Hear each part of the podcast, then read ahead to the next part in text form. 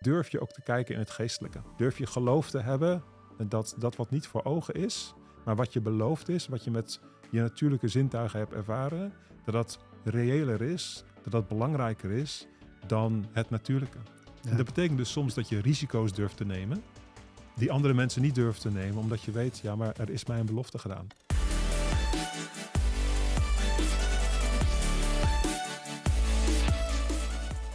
Welkom bij de In His Company podcast, de podcast voor christelijke ondernemers. Vandaag hebben we een hele speciale gast, Sander Wijster. Hij leidt een profetisch ministry. Als je nu al denkt van, dat wordt misschien een beetje zweverig, nou houd je vast. Sander heeft een achtergrond bij Philips en bij ASML. Hij heeft een PhD in de scheikunde en heeft 200 uitvindingen gedaan.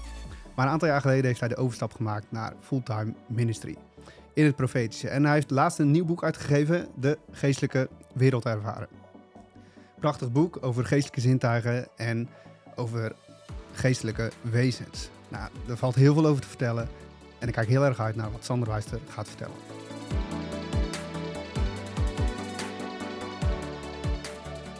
Hey Sander, ik vind het echt enorm leuk dat je hier zit. We zien elkaar de laatste tijd wat vaker. Dat vind ik Inderdaad, hartstikke leuk. Ja. cool. En je leidt natuurlijk een profetische ministry. Ja. Maar vandaag gaan we het wel heel kort even hebben over profetie. Maar vooral ook hebben over jouw nieuwe boek, De Geestelijke Wereld ervaren. En voor de mensen die dit kijken. Het is een prachtig boek. Het is eh, heel recent uitgegeven. Je Klopt. hebt al een eerder boek geschreven, Woorden van Leven. Ja. Het gaat over profetie. Maar eh, vandaag gaan we het hebben over de geestelijke zintuigen. Ja, zeker. Maar kun je eerst kort iets vertellen over ja, profetie? Je leidt een profetische ministry. Wat, wat houdt dat in? Ja, nou, profetie eh, is eigenlijk het spreken van God door de Heilige Geest. Eh, en het bijzondere aan, aan de God die wij dienen is dat hij eh, mensen gebruikt om door te spreken. Dus in een profetische bediening mag je woorden van God doorgeven aan de mensen om je heen. Ehm, en die woorden zijn er om op te bouwen, te bemoedigen en te troosten. Eh, nog veel meer dan dat. Ik geef Mhm. ook richtinggevende woorden, maar dat is eigenlijk, mensen voelen zich vaak bekrachtigd als ze profetische woorden ontvangen. Ja, wauw. Ja, dat is ook misschien wel even heel leuk om even kort te vertellen. Dat uh, nou, de eerste keer dat ik jou ontmoette, dat je, uh, nou, je stelde jezelf voor en daarna ging je mij als het ware bijna voorstellen. Ja. Heb je een aantal woorden genoemd die mij nu nog steeds bijgebleven zijn. Ja. Dat is enorm bemoedigend voor mij. Ja, Ja, maar je zegt van God spreekt, de Heilige Geest spreekt door mensen heen. Ja. Ehm, God spreekt door jou heen. Ja. Eh, hij kan ook door mij heen spreken. Kan Zeker. God door iedereen heen spreken? Ja, dat is wat ik geloof. Dus als je de Heilige Geest hebt, is de Heilige Geest die spreekt. Elke gelovige, zodra Jezus in je leven komt, krijg je de Heilige Geest, word je verzegeld met de Heilige Geest. En heb je dus de mogelijkheid om uh, Gods stem te verstaan. Heb je de mogelijkheid om, uh, um, om Gods stem te verstaan ook voor anderen. Wat ik, Mm. wat ik profetie zou willen noemen. Ja, Dat betekent niet gelijk dat je een profetische gave hebt, maar iedereen kan op een bepaalde manier Gods stem te verstaan voor anderen. Ja, Ja. mooi. Ja, we zijn uh, de In His Company podcast. Het is natuurlijk vooral gericht voor ondernemers. Nou, Ja. Mensen met verantwoordelijkheden, uh, mensen die leiders zijn in een bedrijf, uh, of personeel of uh, klanten waar ze veel mee omgaan. Ja. Um, het kan best wel helpend zijn, lijkt mij, om woorden van God te ontvangen. Klopt, ja. Dus als ik kijk naar mijn bediening, dat mijn eerste roeping is, of mijn, een van mijn roepingen is profetie terugbrengen in de kerk. Dus profetie, dat profetie normaal wordt in elke kerk in Nederland. Niet dat ik beperkt ben tot Nederland.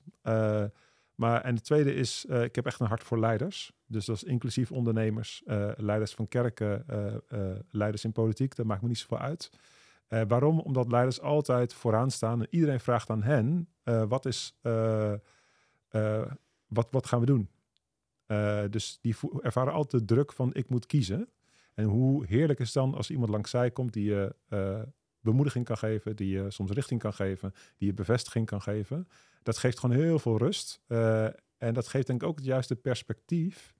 En dat is misschien ook wat bruggetje naar de geestelijke wereld ervaren. Dat je vanuit de geestelijke wereld dingen gaat bekijken. Mm. Dus uh, dat is denk ik ook een van de redenen waarom ik het boek heb, geschre heb geschreven, De Geestelijke Wereld Ervaren. Dat, ik, dat het echt mijn verlangen is dat we niet in de natuurlijke wereld blijven kijken. Dat doen we natuurlijk sowieso. Mm -hmm. Maar dat we ook met onze geestelijke zintuigen gaan kijken in de geestelijke wereld. Ja. Ja, want is dat, we gaan natuurlijk straks inderdaad uh, lekker op in, inderdaad, de geestelijke wereld ervaren. Maar is Ja. het iets wat je nu, je zegt nu van, hé, je- jij staat als eh, profetisch persoon, sta je naast eh, leiders bijvoorbeeld, Ja. of naast ondernemers. Ehm, nou, dat klinkt in, in mij nog ook als een heel bijbels model. Hè? David had, eh, koning David had Nathan naast gestaan Ja. enzovoort. Klopt. Ehm, maar het lijkt mij als ondernemer zijn ook wel eens lekker dat ik het misschien ook gewoon zelf hoor. Ja, zeker. Ik zeg, is- ik zeg altijd, een profetie is een uitnodiging tot gebed. Mm. Want God is een God van relatie. Hij vindt het heerlijk om tijd met je door te brengen. Ja. Dus eh, als ik ergens onderwijs geef, dan, zeg ik altijd, je moet ongeveer de helft geloven van wat ik zeg. Oh ja. Behalve als ik profiteer, dan moet je helemaal niets geloven. En dan moet je zelf aan vader gaan vragen. Mm.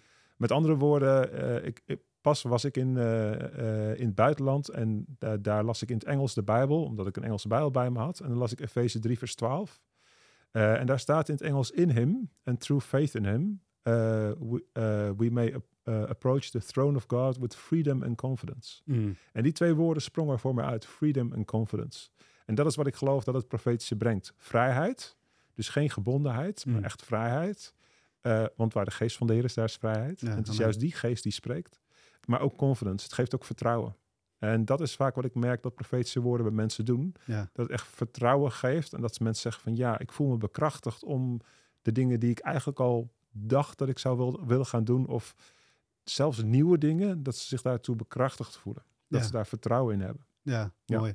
Ja, en dan is het natuurlijk ook extra fijn dat er iemand naast hun komt staan. Ja. En dus daardoor ook een stukje vrijheid en eh, ja, die confidence en vrijheid geeft. Ja. Ja, mooi. Ja. Ja, en je bent laatst in het buitenland geweest. Ik weet niet of je daar misschien straks ook iets over wil delen, maar het is, eh, ja, je praat over de geestelijke wereld alsof, Ja. alsof het iets heel normaals is voor jou. Ja. Ehm, Ja, ik, het- ik praat erover alsof het iets heel normaals is voor mij. En ik geloof dat eigenlijk, eigenlijk in mijn boek probeer ik het ook zo normaal mogelijk te maken. Hmm. Dus de, de ge- geestelijke wereld betekent niet dat je, dat je per se allerlei visioenen hoeft te zien. Hmm. Dat kan wel. Eh, maar er is veel, het begint veel eerder kijken in de geestelijke wereld. Dus ik Hmm. probeer die geestelijke wereld eigenlijk heel dichtbij eh, te halen. Ja. Ehm, eh, en eigenlijk de, gewoon dat elke christen ervaart van... hé, hey, ik ben nu al bezig in die geestelijke wereld. aha. Ja, want kun je daar eh, het onderscheid in aanbrengen van, oké, fysieke wereld, dat, dat snapt iedereen gewoon, wat je met je Ja. ogen ziet, waar je nu bent. Ja. Geestelijke wereld, kun je daar woord aan geven? Wat, hoe moet ik dat zien? Ja, ja geestelijke wereld is, is dus eigenlijk alles wat je niet kunt zien met je, met je fysieke ogen. Eh, en eh, dat gaat zowel over de goede kant als de slechte kant. Hè, dus over God en zijn hemelse wezens, Mm. eh, als, als ook over het demonische. Het demonische belicht ik niet zo in mijn boek. Dat doe ik voor een heel bewuste reden, omdat ik die krijg al heel veel aandacht. Ja. En ik vind het juist mooi om te benadrukken. God is een God die autoriteit delegeert. Mm. Dat doet hij eigenlijk op aarde. Dus hij heeft de mens de aarde, de aarde gegeven. Hè. Genesis eh, 1 zegt hij, eh, eh, heers over de aarde. Dus hij maakt de mens koning van de aarde. Dus hij delegeert zijn autoriteit, want hij is koning over alles, delegeert hij aan mensen op aarde. Eh, en zo delegeert hij ook macht aan hemelse wezens. Mhm. Ehm, Dus hij heeft dezelfde opdracht aan mensen gegeven als aan hemel, hemelse wezens, of zit daar diversiteit in opdracht? Nou, wij, wij hebben de aarde gekregen.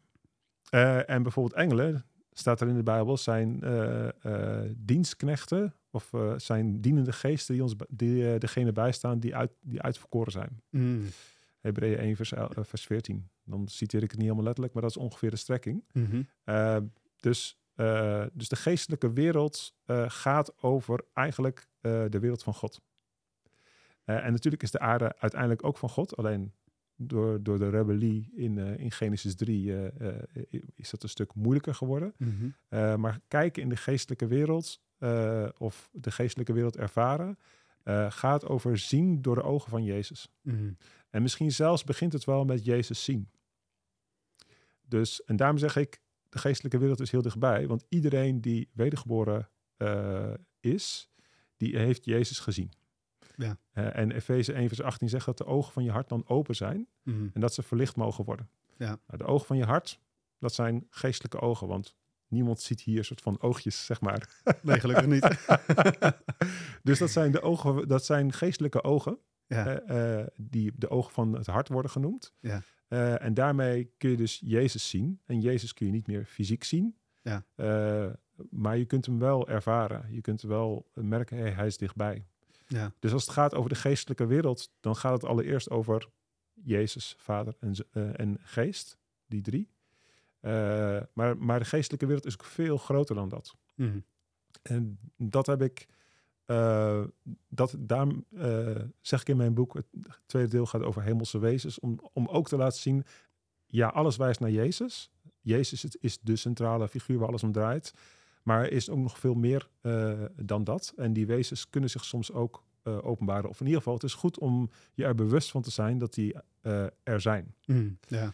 Ja, en voordat we naar de wezens gaan, eh, je noemt net Efeze 1, 17, 18, eh, verlichte ogen van verstand, zoals dan in de HSV inderdaad Ja. staat.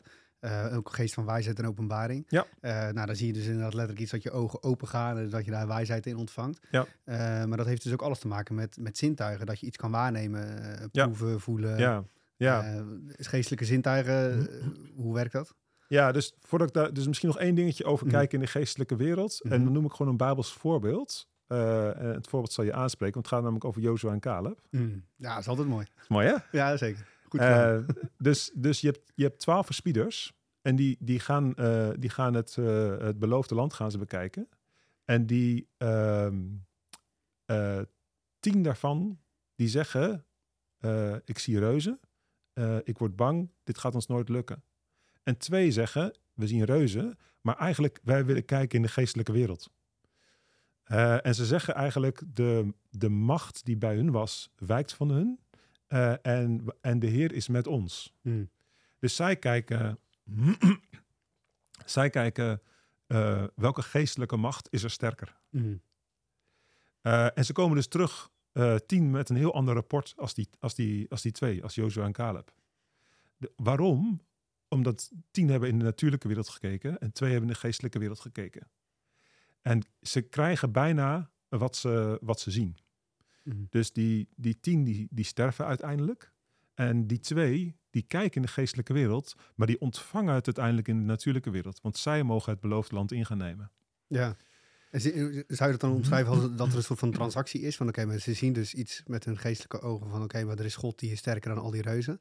En dat accepteren ze of passen ze toe in hun, in hun aardse leven? Ja. Is dat gewoon een kwestie van geloven en doen? Of, Dat, dat is een kwestie van geloof. Mm. Dus geloof is de sleutel waarmee je gaat zien in de, in de geestelijke wereld. Mm. Want je vertrouwt niet meer op je natuurlijke zintuigen, maar je vertrouwt op je geestelijke zintuigen. En je dus, dus ik zeg in mijn boek, de geestelijke wereld is veel reëler eh, dan de natuurlijke wereld.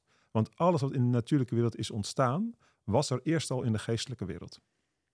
Dus de geestelijke wereld moet wel ook prioriteit geven in ons En dus leven. moeten wij de geestelijke wereld prioriteit geven in ons leven. Eh, en eigenlijk, eh, ik ga niet alle, alle Bijbelteksten citeren, maar als je ziet hoeveel er geschreven wordt over de geestelijke wereld, of over geestelijke, eh, nou, geestelijke principes, Mhm. en het woord geestelijke wordt ontzettend veel gebruikt in het Nieuw Testament, vooral door Paulus. Mm. Ehm, dus een voorbeeldje in Colossense staat, bedenk de dingen die boven zijn. Ja. En niet die op de aarde zijn. Met andere woorden, kijk geestelijk en kijk niet in het natuurlijke. En dit principe kun je dus, allemaal eventjes terug te gaan naar eh, eh, ondernemers, dit kun je dus ook gebruiken in je onderneming. Kijk je alleen maar in het natuurlijke of durf je ook te kijken in het geestelijke? Mm. Durf je geloof te hebben dat dat wat niet voor ogen is, maar wat je beloofd is, wat je met je natuurlijke zintuigen hebt ervaren, dat dat reëler is, dat dat belangrijker is dan het natuurlijke. Ja. En dat betekent dus soms dat je risico's durft te nemen, die andere mensen niet durven te nemen, omdat je weet, ja, maar er is mij een belofte gedaan. Of God heeft dit en dit tegen mij gezegd, of ik heb dit en dit gezien. Ik heb het ervaren met mijn geestelijke zintuigen eh, en daar geloof ik meer in dan dat ik het eh, zie met mijn natuurlijke zintuigen. Kan het ook dat ondernemers bijvoorbeeld, die, eh, tenminste veel ondernemers die je kent, die durven inderdaad risico's te nemen, durven Ja. grote stappen te nemen. Ja. Kan het ook zo zijn dat mensen misschien meer onbewust aandacht hebben gegeven aan hun geestelijke zintuigen? Dat kan. Dus dat, eh, dat zou ik niet zo goed weten dat ze met geestelijke zintuigen opereren. Ja, dus ik Ehm, wil niet zeggen dat alle risico die mensen nemen Ja. altijd geestelijke zintuigen is. Eh, eh, maar, maar daarom ga ik terug naar wat ik zo net zei. De sleutel is geloof. Hm. Dus geloof is, is, is dat wat maakt dat je durft te vertrouwen op dat wat je niet ziet. Ja, en dat vertrouwen is denk ik wel een belangrijk ding. Want het is misschien ook best wel spannend. Zeker als je hier voor het eerst in aanraking komt. Ja. En als je nu denkt van, oh, dit is me... eh, Ik kan me voorstellen dat mensen vinden dit misschien ook een beetje spannend. Ja. Eh, misschien goed, gewoon tussendoor, leuk om even te noemen. Je hebt een achtergrond bij ASML, je hebt een PhD in scheikunde. Ja. Dus je, je bent de meest nuchtere man die je Ik kent. ben, ja, ik ben een behoorlijk nuch- nuchtere Ja. man. eh, dus ik ben uitvinder geweest. Ik heb mee, bijgedragen aan de 27 wetenschappelijke artikelen. Ik ben manager geweest bij ASML de research-afdeling. Ik heb er jaren als onderzoeker gewerkt. Dus ik heb gefunctioneerd in het bedrijfsleven. Eh, eh, ik heb advies gegeven tot op CTO-niveau. Dus ik had een behoorlijk eh, eh, in het oog springende functie. Eh, dus ja, ik ben behoorlijk nuchter. Eh, en eh, ik zie in de geestelijke wereld. Maar ik zeg gelijk bij, elke christen ziet dus in de geestelijke wereld. Mm. Dus misschien klinkt het heel spannend, maar ik zeg eigenlijk tegen iedereen, je doet het al lang. en wedergeboorte is de eerste stap. Mm. Eh, eh, Jezus zien is een, is een stap. En er zijn veel meer stappen die mensen al lang doen, eh, waarbij ze zich niet altijd realiseren, oh, maar dit is in de geestelijke wereld bewegen. Mm. Ja. Ja, en tegelijkertijd zeggen, oké, mensen doen het al. eh, Jezus aannemen is eigenlijk al het meest bijzondere wat je kan doen. Dus Ja. dan is al een geestelijke stap. Ja. Ehm, tegelijkertijd vraag je ook wel meer aandacht. eh, op een hele mooie, positieve manier. Laagdrempelige manier ook. Ook door middel van je boek en de, de andere dingen die je doet. Ehm, voor, oké, maar jongens, er is een geestelijke wereld. dat mogen we meer gaan ervaren met elkaar. Ja, zeker. Ja. Ja, ja dus, dus eh, wat ik in mijn boek doe is, eh, eh, ik, ik begin laagdrempelig, omdat ik wil dat mensen snappen, oh, de geestelijke wereld is niet een soort van, is niet per se het profetische. Dat is een onderdeel daarvan, maar het begint al veel eerder. Maar omdat ik profetisch ben, heb ik natuurlijk veel ervaringen die, die, nou, ik zal niet zeggen verder gaan, maar die, die een soort van add-on zijn, een soort Mhm. extra zijn op, op, op eerdere ervaringen die ik heb gehad, zoals wedergeboorte, eh, zoals eh, Jezus eh, aannemen, Jezus zien. Ehm, dus als je het hebt over geestelijke zintuigen, als ik naar mijzelf kijk, dan zijn zien, horen en voelen zijn het sterkst ontwikkeld. Mm. En ruiken ben ik een beetje mee aan het experimenteren. Mm. En proeven heb ik eigenlijk vrij weinig.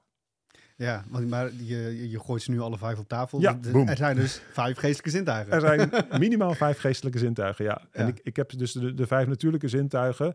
Ook daar zijn er eigenlijk meer van, maar laten we eventjes de vijf basis pakken. Mhm. Die heb ik vertaald naar geestelijke zintuigen. Eh, en dat doe ik eh, op basis van Hebreeën 5. Hebreeën 5 vers 14. En daar staat voor, voor de volwassenen... eh, zij eh, die hun eh, zintuigen door ervaring en oefening trainen... Mm. eh, eh, om te onderscheiden waar het op aankomt... of onderscheid te maken tussen goed en kwaad. Ja, is dat dat stuk van dat, dat ook van meer naar groeien naar volwassen voedsel? Ja. Ja. Ja, het gaat over melk en het gaat over vast voedsel. Eh, en, en melk is voor de beginnelingen. En dan komt daarna het vaste voedsel. En als vaste voedsel, daarin ga je eigenlijk je geestelijke... Er staat alleen maar zintuigen.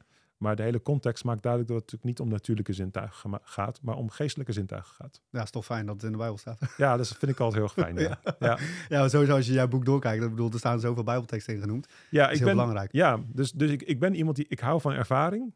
Eh, dus er staan ook eh, eh, bijzondere ervaringen in. Mhm. Maar ik ben ook echt de grondtekst ingedoken. En ik heb echt gekeken naar...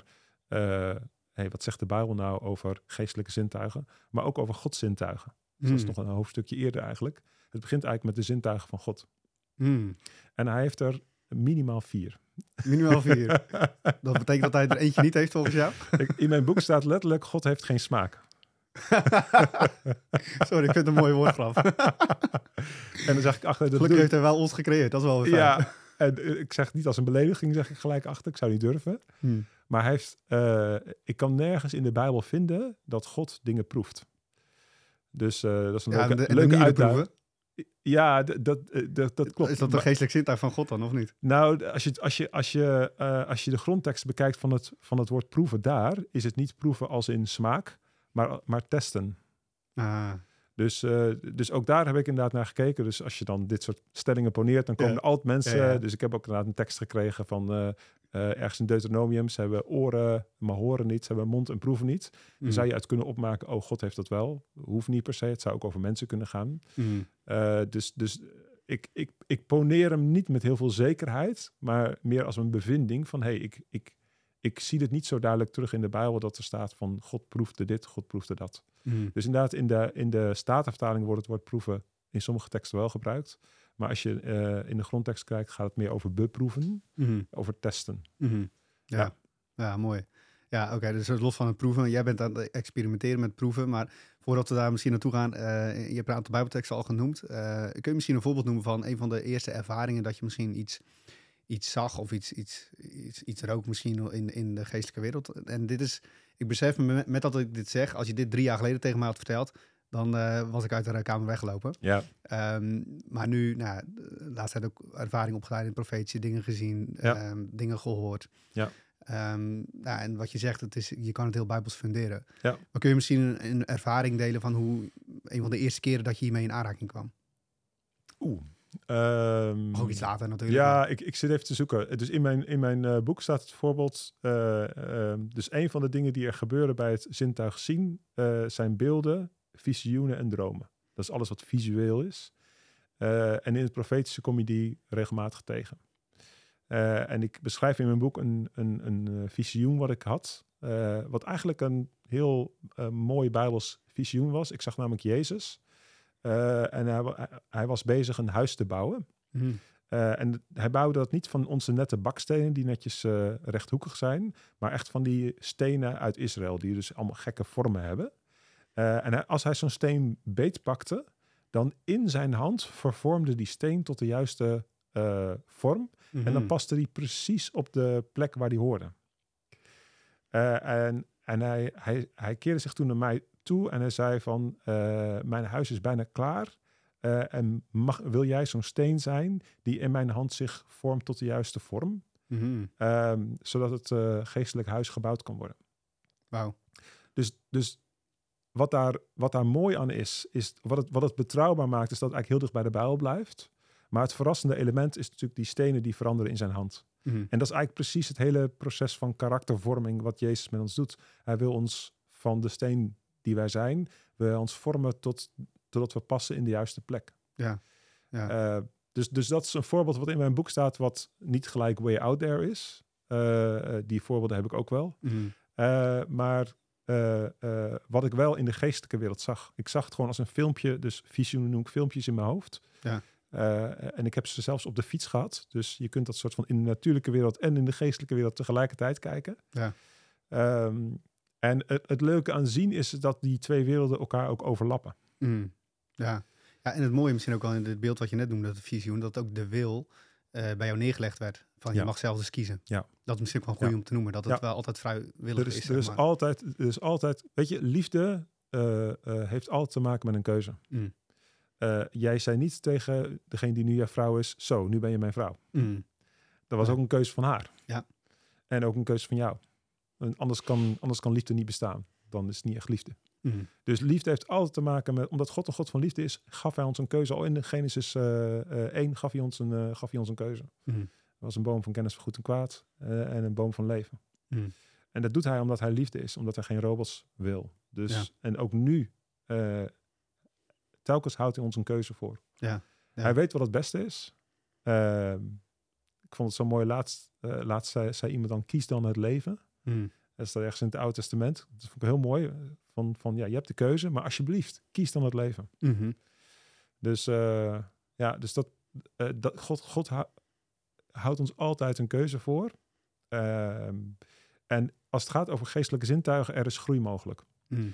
Dus inderdaad, als je mij tien jaar geleden had verteld, Sander, je wordt profetisch en je gaat visioenen zien en nog veel, veel meer andere dingen die misschien bijzonderer of eh, ongebruikelijker zijn, dan had ik, had ik je echt aangekeken en eh, denk dat ik eh, had gezegd tik, tik, tik, weet je wel? ja.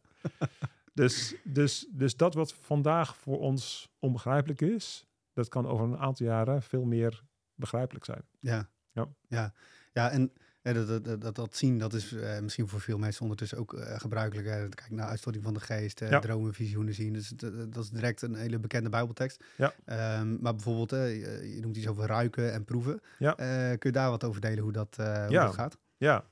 ja, allereerst, wij mogen de ge- geur van Christus verspreiden. Hmm. Dus wij, wij, wij zijn de geur. Dat is dan heel leuk. hè. Wij zijn de geur. Dus, eh, maar in de Bijbel eh, zie je eigenlijk een, eh, een parallel tussen liefde en geur. Er zijn een aantal teksten in Hooglied die gaan over, die een parallel maken tussen nardus en liefde. Maar ik vind een heel mooi voorbeeld de, de vrouw die een kruikje nardusolie had wat super duur is. Dus een jaar inkomen kostte dat. En wat ze aan de, over de voeten van, van Jezus gooit. Dus die hele kamer, dat, dat, dat spul ruik je heel erg lang. Eh, dus als dit vlak voor zijn eh, kruisiging is geweest, wat sommige mensen zeggen, dan moet je dat haast tijdens de kruisiging nog geroken hebben. Zo Mm. lang blijft die geur zeg maar hangen. Nou, los daarvan, eh, Jezus zegt, zij heeft heel veel liefde bewezen. en zij heeft dus dat flesje met die geur. Dus liefde en geur, daar zie je een heel sterke connectie tussen in de Bijbel. En, en er zijn nog veel meer Bijbelse voorbeelden die ik kan noemen als het gaat over, als het gaat over geur. Dus bijvoorbeeld Isaac, die ruikt eh, Jacob. En dan ruikt hij de geur van het veld en dan begint hij zijn zegen uit te spreken. Mm. En eigenlijk zou je zeggen, Isaac, je zit er helemaal naast. Want het is niet Esau, het is Jacob. Maar als je kijkt de woorden die hij uitspreekt, en je moet in mijn boek maar de exacte Bijbelteksten lezen, dan zie je gewoon dat hij profiteert over Jezus.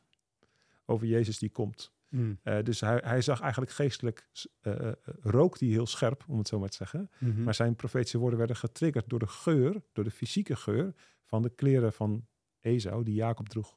Ja, maar hier zit dus onderscheid tussen dat fysieke ruiken en het geestelijk ruiken.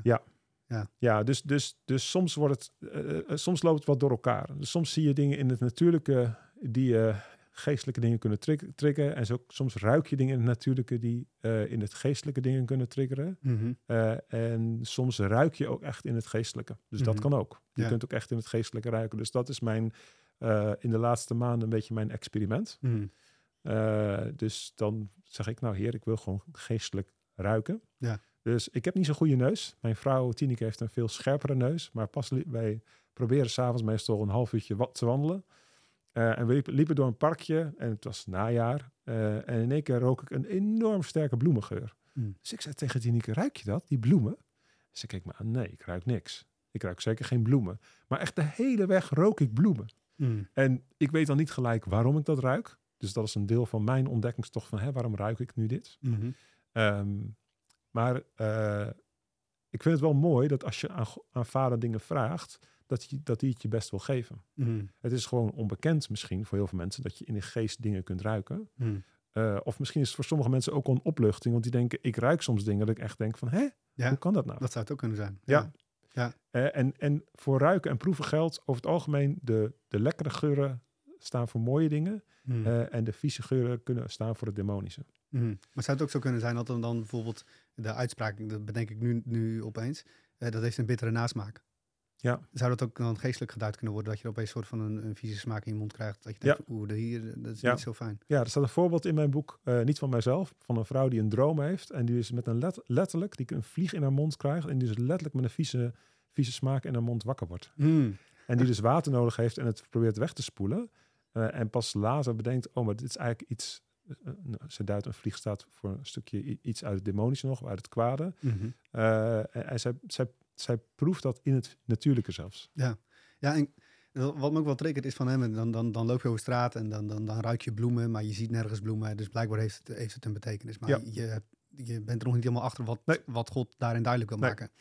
Wij als eh, nuchtere Ne- Nederlanders denken vaak alles moet een betekenis hebben, het Ja. moet nu direct duidelijk zijn. Ja. Ehm, hoe ga je daarmee om? Eh, dus eh, God is een God die het leuk vindt om ons, eh, ik zou maar zeggen, de aarde is een soort van speeltuin waar je gewoon dingen in mag ontdekken. Mm. Zo zie ik het profetische in ieder geval. Die vrijheid komt daar weer in terug. Ja, Ja. dus als je mij hebt, je hebt mij zien profiteren en ik schiet regelmatig in de lach. Of soms denk ik, dat zie je misschien minder, maar dan denk ik, oh help. Dus gisteren profiteerde ik over een vrouw en ik zag twee hazenoren uit haar ontstaan. Mhm. Dus dan, dat is ook zo'n zo'n overlap. Dus dan zie ik haar gezicht, gewoon in het natuurlijke. En in één keer zie ik twee hazenoren uit haar groeien, uit haar achterhoofd. En dan denk ik, hoe dan? Waarom? Dus dat vraag ik dan snel aan de Heilige Geest. Eh, eh, en dan gaat het iets over dat zij heel goed kan luisteren, of zelfs tussen de regels door kan luisteren, omdat een haas kan zijn oren eh, keren naar het geluid. Dus het gaat over de Mm. gevoeligheid van oren. Dus je ziet, je ziet een beeld in de geest en dat heeft ook weer een letterlijke betekenis Ja. voor die persoon. Maar eh, dus de, de verrassing, dus daarom zeg ik het is spelen. De verrassing is, eh, nou ja, dit had ik nooit zelf kunnen bedenken. Dat Ja. er in één keer hazenoren ontstaan. En datzelfde met zo'n bloemengeur. Dat, dat, dat ontstaat dan. Eh, en voor mij is dat, oké, dit is mijn eerste ervaring daarmee. Dus ik ruik iets. En dan vraag ik wel aan vader van, nou, wat, wat, wat, wat betekent dit dan? Mhm. En dat hoor ik dan niet gelijk. gelijk. Eh, maar in spreuken staat heel mooi. eh, eh, het is, het is de, de, de eer van God om geheimen te geven. En het is de eer van koning om geheimen te ontraadselen. Mhm. Dus God geeft ons lang niet altijd een soort van duidelijke instructies. Soms doet hij dat wel. Maar hij vindt het ook heel erg leuk. Hij zei, ja, je, je bent mens. Je bent naar mijn beeld gemaakt. Dus ik geef je soms raadseltjes. Veel succes. Veel succes. en je mag me om hulp vragen. Een soort van hulplijn. Eh, maar ik vind het ook gewoon... Hij geniet er denk ik ook van als wij gewoon puzzelen. En gewoon Mm. denken, hé, maar hoe werkt dat dan? Ja. Ja. Dus... eh, eh, en in mijn boek, uh, ik, ik, vond het heel erg leuk. Ik ontmoette op een conferentie uh, Wim Kok. Hij is een profeet uit Bunschoten Spakenburg. En we spraken met elkaar over geestelijke zintuigen, omdat ik bezig was mijn boek af te ronden. En hij zei, ja, ik ruik en proef heel veel. Mm. Maar ik zie nooit wat. En ik dacht, hé, hoe kan dat? volgens mij, volgens, voor, ik dacht bijna zien is een soort van standaard voor iedereen. Ja. Uh, en horen, dat is een soort van standaard voor iedereen, maar dat hoeft dus niet. Dus ook heel erg leuk dat, dat, dat de Heer. Maar hij heeft dus als. als uh, uh, hij ontdekte dus dat hij op een gegeven moment geuren rook. Mm. Uh, en hij, ik heb een van zijn verhalen staat in mijn boek. En dan is hij in een huis en dan ruikt dus een heel vieze geur. En dan gaat hij dus gewoon sniffen van waar is die geur het sterkst. Mm. En hij komt uit bij de boekenkast, bij een bepaald boek waar de geur het sterkst is, haalt hij eruit. Dat is een boek die gaat over een heks die tot geloof komt. Dus hij weet, oh, deze geur gaat over hekserij. Mm. Oh, dus als je het hebt over hey, ik ruik iets. Hij gaat gewoon op onderzoek uit. En, en de Heer wil hem best wel helpen. Maar hij gebruikt eigenlijk zijn geestelijk zintuig om erachter te komen, wat betekent dit? Ja, eigenlijk is het helemaal niet zo gek. Ik bedoel, dat, zo werkt heel de wereld. Als je iets ja. ruikt, ga je erachteraan en dan ga je kijken. Precies. Dan denk je, hm, waarom ruik ik dit? Ja. En dan denk je, waar, waar is die geur het sterkst? Waar, waar komt dat van? Ja. Ja, twee weken geleden toen, we, uh, toen was je aan het profiteren voor een ondernemersgroep en daar was ik bij. En uh, nou, ik vond het zo grappig. Op een gegeven moment uh, stapte je letterlijk naar iemand toe en zei: Oh, ik moet even de atmosfeer voelen. Ja. En ik zag al een paar mensen kijken van wat gaat hij nou weer doen. Ja. ik vond het zo'n mooi moment. Want je moest letterlijk even dichterbij komen om te voelen hoe de, wat er gebeurde daar. Ja. ja, ja, dus dat is een ander zintuig voelen. Dus heel veel mensen die, die voelen dingen. dus, en die zit dicht aan tegen de gaaf van onderscheid van geesten. Uh, en de gaaf van onderscheid van geesten, daar proef je eigenlijk de bron. Of daar uh, ontdek je eigenlijk de bron waaruit iets komt. Is het uit de Heilige Geest of is het uit een andere bron? Is het uit een demonische bron? Mm. En het gaat dwars door alles heen. Dus iemand kan er prachtig uitzien, gelikte woorden hebben en jij denkt, hier klopt iets niet. Mm. En het is vaak een van de, ik, ik noem het een van de lastigste gaven om te hebben in het lichaam van Christus omdat heel veel mensen denken, jij oordeelt mensen. Of waarom zeg je dit nou? Dit kun je helemaal niet weten. Mhm. Maar de Heilige Geest laat het je als een soort van early warning, laat het, laat het je weten. Mhm. Ehm, en met voelen, het hoeft niet per se. Je kunt ook gewoon mooie emoties voelen. Uh, maar uh, met, met het onderscheid van, van geesten uh, kun je heel sterk ervaren, voelen, dit klopt of dit klopt niet. Mm. Ja, en, tegelijkertijd vind ik dat zelf ook wel een, een lastige, tenminste in die zin dat ik daar meer in zou willen leren. Want uh, het voelen, gewoon de emoties voelen, is natuurlijk, is natuurlijk vanuit je ziel. Ja. En uh, dan het geestelijk voelen, ja. Dat is dus, ja. dus echt iets anders. Klopt. Dus ik noem die ook de, de lastigste van de vijf, omdat je ziel komt er heel sterk in naar voren. Voelen gaat echt via je ziel, sterker nog dan je andere zintuigen. en je kunt dus ook vervalsing of vervuiling krijgen, doordat je eigen emoties heel sterk zijn. Ehm, dus ik noem in mijn boek het voorbeeld van een man die ging profiteren over een vrouw. Uh, en die was helemaal in tranen. Echt, de tranen biggelden over zijn wangen. En het ging over verdriet. Uh, en die vrouw dacht echt, dit woord is niet voor mij. Dus het gaf ze ook terug. Nou, ik heb niet het idee dat dit woord voor mij is. Maar, zei ze, is het misschien voor jezelf? Worstel jezelf met dat verdriet? En toen die man even nadacht, dacht hij, ja, dit is, mm. dit is mijn eigen verdriet. Dus je kunt soms heel erg geraakt zijn, uh, getriggerd worden door verdriet. En dan kom je in je eigen ziel kom je terecht. Um, en dat, ja, dat, kan, dat kan maken dat je woorden soort van uh, vervuild raken. Dus mm. met, de, met, de, met voelen is het, is het tricky. Mm. Uh, maar ook daarin kun je echt wel leren. Mm. Kun je echt wel leren hoe word, ik, uh, hoe word ik daar beter in? En wat is het onderscheid tussen mijn eigen emoties? en, wat is het onder, en wat is echt wat, wat ik voel van, van de Heer? Ja. ja, wat ik heel mooi vind als je zo aan het vertellen bent, is ook gewoon, ik hoor, ik hoor echt die vrijheid in je. Uh, die zie ik ook. Uh, tegelijkertijd kan je allerlei gedachten schrijven. Oh, maar is het inderdaad echt van de Heer? Moet ik hier wat mee? En je zegt er wel van, oh help, maar je vraagt aan de Heilige Geest en je zegt het gewoon. Ja. Dus ja. Uh, hoe heb je dat dan jezelf aangeleerd om soort van dat, die, to die toetsing toe te passen? Ja, ik denk dat ik al in het bedrijfsleven op een gegeven moment geleerd had: een ik-boodschap is makkelijk te brengen, omdat het over jou gaat. Mm. Dus als het over voelen gaat, dan kan ik gewoon zeggen: joh, ik voel dit. Dan lieg ik niet, want dat is gewoon wat ik voel. Uh, en dan hoef ik niet gelijk te zeggen, God voelt dit over jou, of dan hoef ik het niet gelijk groot te maken.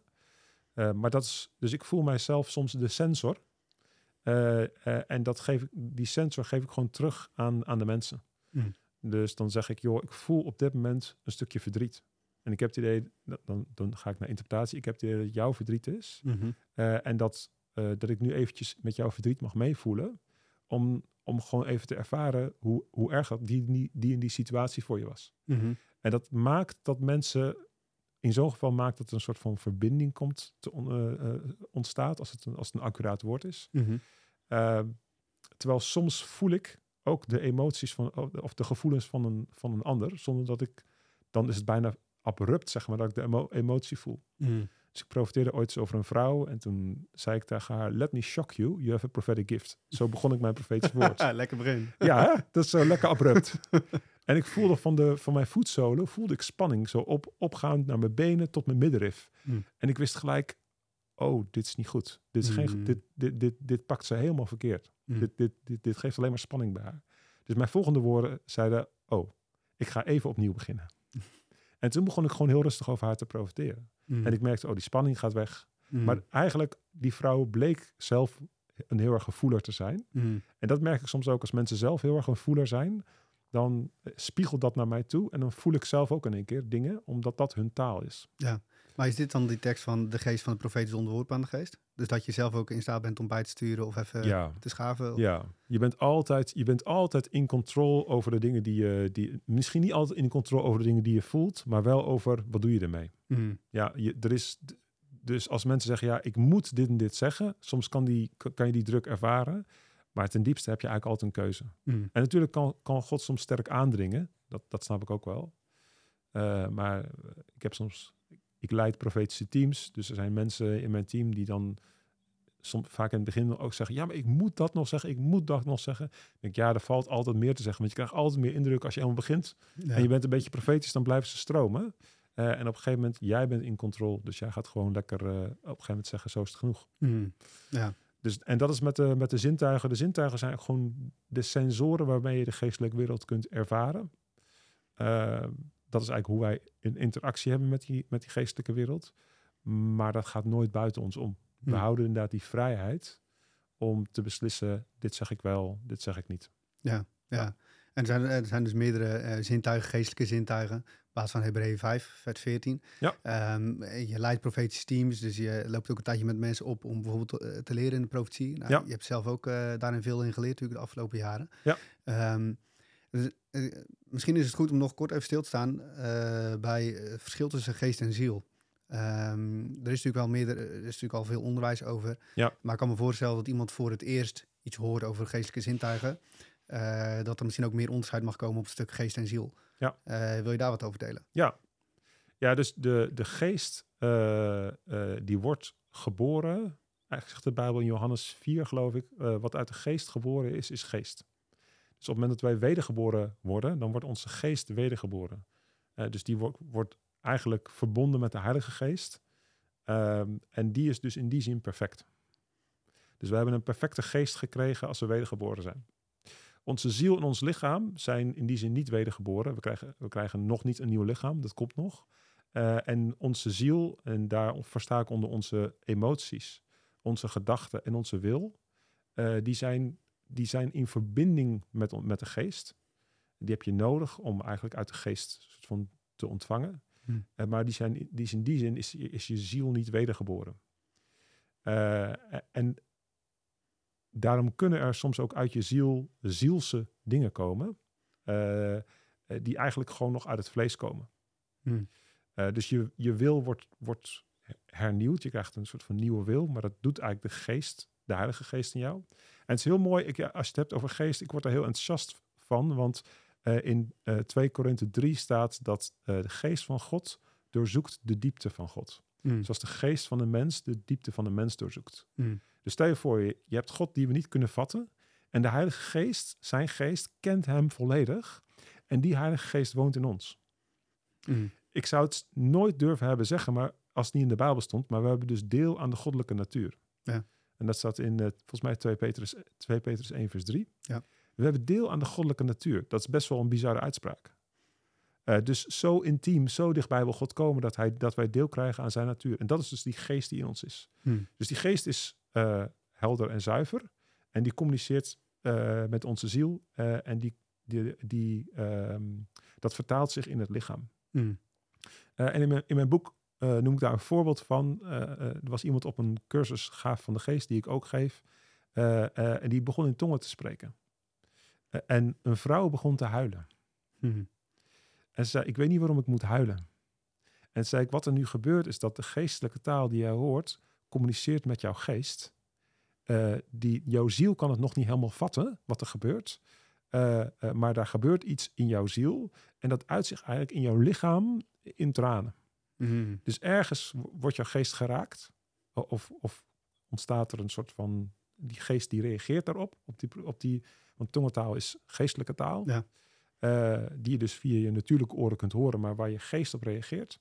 Eh, en eh, dan gebeurt er iets in je ziel wat je nog niet helemaal kunt vatten. En daarom ga je huilen. Dus dan zie je eigenlijk geest, ziel en lichaam zie je samenwerken. Mhm. Ja. Ja, mooi. En Alex zei dat er ook een geestelijke zintuigen zijn. Dus eh, kunnen soms ook voor jezelf zijn om misschien te waarschuwen voor iets. Maar het is ook vaak gericht op de bemoediging van de ander. Ja, Ook heel profetisch ook om eh Ja. geestelijke zintuigen te gebruiken. ja, de Bijbel leert dus in eh Hebreeën 5 vers 14 dat ze zijn voor het onderscheid maken tussen goed en, goed en kwaad. En dat is waar je natuurlijke zintuigen ook heel vaak voor gebruikt. Mm. Dus je, je oren gebruik je om te horen, hey, is dit mooie muziek of is Mm. dit lelijk, lelijk hard geluid? Is dit zo'n drillboor? Mhm. Eh, eh, is het een lekkere etensgeur of ruik ik gas? Mhm. Dus, dus ze hebben ook die functie om ons soort van eh, aware te maken van de wereld om ons heen. Mhm. En daar zijn geestelijke zintuigen ook voor bedoeld. Mhm. Om, ons, om ons soort van bewust te maken van de geestelijke wereld om ons heen. En ook te proeven of te ruiken of te voelen. Is het, is dit uit de geest of is dit uit een andere bron? Ja, want eh, die, eh, je zegt ook bewust van, joh, maar ik wil niet te veel aandacht geven aan de, de, de verkeerde bron, want er is al veel te veel aandacht voor. Ja. Ehm, dus denk ik een heel mooi principe. Eh, maar kunnen we, eh, ehm, hoe maak je het onderscheid dat je weet vanuit welke bron het komt? Want misschien eh, je onderscheid maakt tussen je eigen gedachten of eh, tussen de geest van God of tussen nou, een, een verkeerde bron. Ja. Eh, hoe, hoe maak je dat onderscheid? Eh, eigenlijk kom je dan terug op wat ik, wat ik eerder zei. eh, een profetie is een uitnodiging tot gebed. Dus ehm, eh, mensen die eh, vals geld moeten leren onderscheiden, die krijgen een bundeltje echt geld. Mm. En ze doen niets anders, inmiddels zal het niet meer zo zijn, maar vroeger deden ze niets anders dan, dan echt geld tellen. Mm. Dus gewoon da- dagenlang moesten ze gewoon echt geld tellen. En op een gegeven moment deden ze een paar valse eh, biljetten deden ze erin. En op een gegeven moment pikte die eruit. Zegt, hey, die voelt anders. Mm. Dit, dit ervaar ik anders. Dus de beste manier om, om onderscheid te maken tussen goed en kwaad is veel om te gaan met het goede.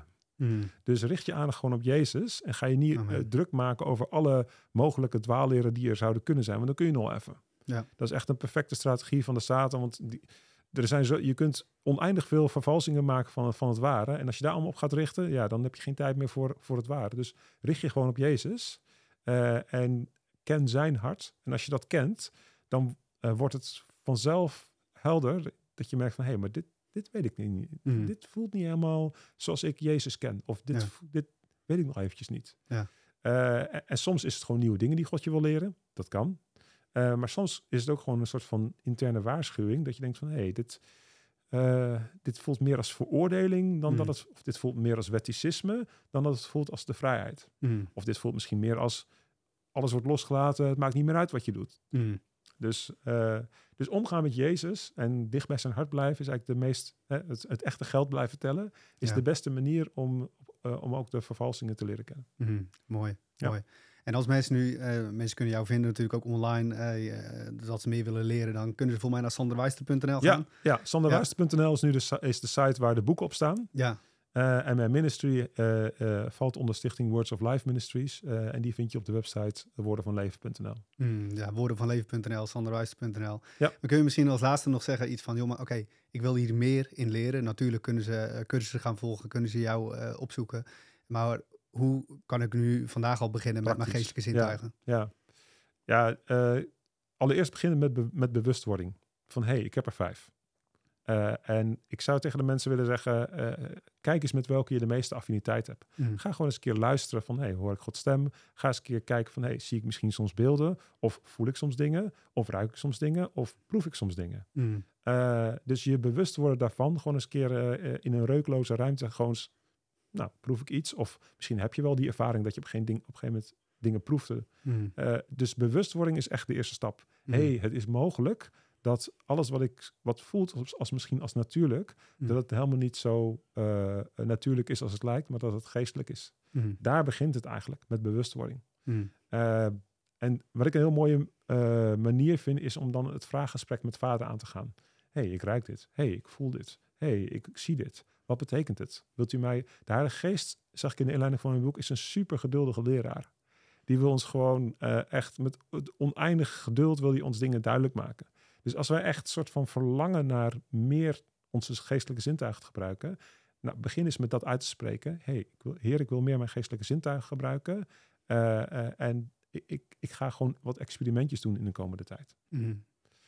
Dus, dus het hoeft allemaal niet zo ingewikkeld. Je hoeft niet uh, drie weken naar Bethel te gaan. dat mag natuurlijk ook. Maar je hoeft niet, je hoeft je niet onder te dompelen in een heel profetische cultuur. Je kunt vandaag de dag gewoon beginnen. Mm. En ik, ik, zou zeggen, tijd en aandacht zijn twee sleutels die je gaan helpen om je daarop te focussen. Mm. Mooi. Want alles wat aandacht krijgt, gaat leven. Amen. Ja, wauw, wat mooi. Ja, dit is denk ik echt zo'n aflevering. Normaal luister ik podcast altijd op speed, anderhalf of twee. Is denk ik wel echt een aflevering die mensen gewoon op uh, speed 1 moeten luisteren. En gewoon lekker rustig moeten terugluisteren. Misschien twee keer moeten luisteren. Ja. Want blijkbaar heb je dus vijf geestelijke zintuigen. Ja. En jij hebt een heel boek voor, vervolgens uh, van geschreven. De geestelijke wereld ervaren. Super mooi boek. Uh, en ik ben ook heel blij dat wij nog een tweede aflevering met elkaar gaan opnemen. Over nou, alle geestelijke wezens die er dan blijkbaar ook zijn. Die je misschien wel eens ziet. Ja. Maar Sander, dankjewel voor dit prachtige verhaal. Dankjewel. Ja. Super.